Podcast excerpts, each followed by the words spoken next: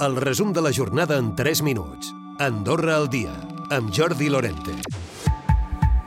Presentar propostes per redactar la futura llei del dret a l'habitatge i mantenir trobades amb propietaris i manifestants per trobar punts d'entesa. Són algunes de les prioritats que han marcat la primera trobada del grup de treball en la matèria que han celebrat aquest dilluns i que té agendat tornar-se a reunir a mitjan gener.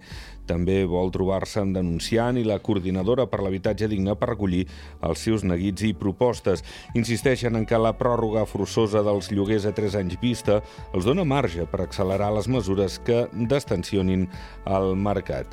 I mentre el cap de govern ha ressaltat els cinc aspectes positius que l'FMI destaca d'Andorra, entre els quals el creixement econòmic sostingut, la potencialitat de l'acord d'associació, les millores en l'obtenció de dades, per exemple, per prevenir el blanqueig de capitals i avantatges també a nivell financer.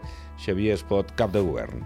També un aspecte positiu, i jo crec que això és una, una cosa que no destaquem suficientment, que és que veuen el nostre sector bancari i financer més robust fins i tot del que es pensaven, en un nou escenari on molts auguraven doncs, la, la, la fi fins i tot del nostre sector bancari a través de l'intercanvi automàtic d'informació. El nostre sector bancari no només ha resistit aquest atzucac, sinó que ha demostrat la seva robustesa i la seva resiliència.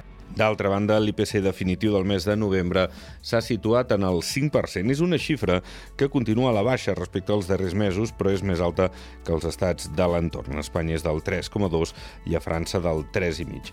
I tancades les negociacions salarials entre la CEA i els sindicats. La tretzena paga obligatòria per a totes les empreses no ha estat acceptada per la patronal. Ara serà el govern qui haurà d'intervenir. El secretari general de l'USDA és Gabriel Ubach el que nosaltres estàvem demanant era un 6,5 eh, d'augment eh, durant els pròxims 4 anys. Mm, representa que la CEA ens diu que això és inassumible per l'empresa andorrana. Eh, això vol dir que l'empresa andorrana està tocada de mort.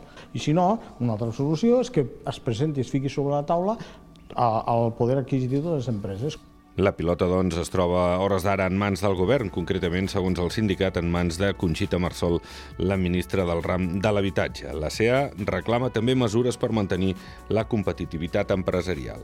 I la població resident continua en augment al país. Ascendeix a 84.723 persones, amb un augment del 4,2%, més de 3.000 persones amb respecte a fa un any. Per parròquies, Andorra la Vella i Encamp són les que més han crescut. I el cap de govern i el altres membres de l'executiu han visitat aquest dilluns l'Escola Fundació Privada de Meritxell. Ha estat en un acte tradicional en vista al Nadal. La Fundació ha recordat el seu ampli ventall de feina i el creixement dels programes per cobrir les necessitats de tots els usuaris. En aquest context, el ministre de Relacions Institucionals i Educació, Ledislau Baró, ha reconegut la feina de la Fundació d'adaptació i de treball per una millora continuada. D'altra banda, des de la Fundació asseguren que tenen nous projectes per a l'any vinent. El regal que ha fet l'executiu a la Fundació és un llit de cota zero. Recupera el resum de la jornada cada dia a AndorraDifusió.d i a les plataformes de podcast.